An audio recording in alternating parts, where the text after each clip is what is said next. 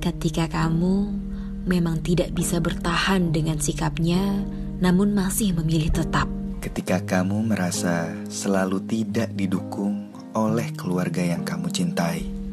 Dalam hidup, kita memang tidak pernah lepas dari pikiran-pikiran yang menghantui, baik hal tersebut sepele atau memang masalah besar yang memang penting untuk dipikirkan.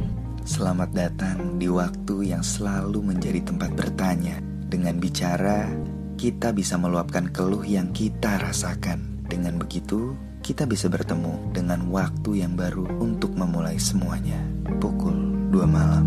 Tell me things you've never said out loud. Just try and go there if you can.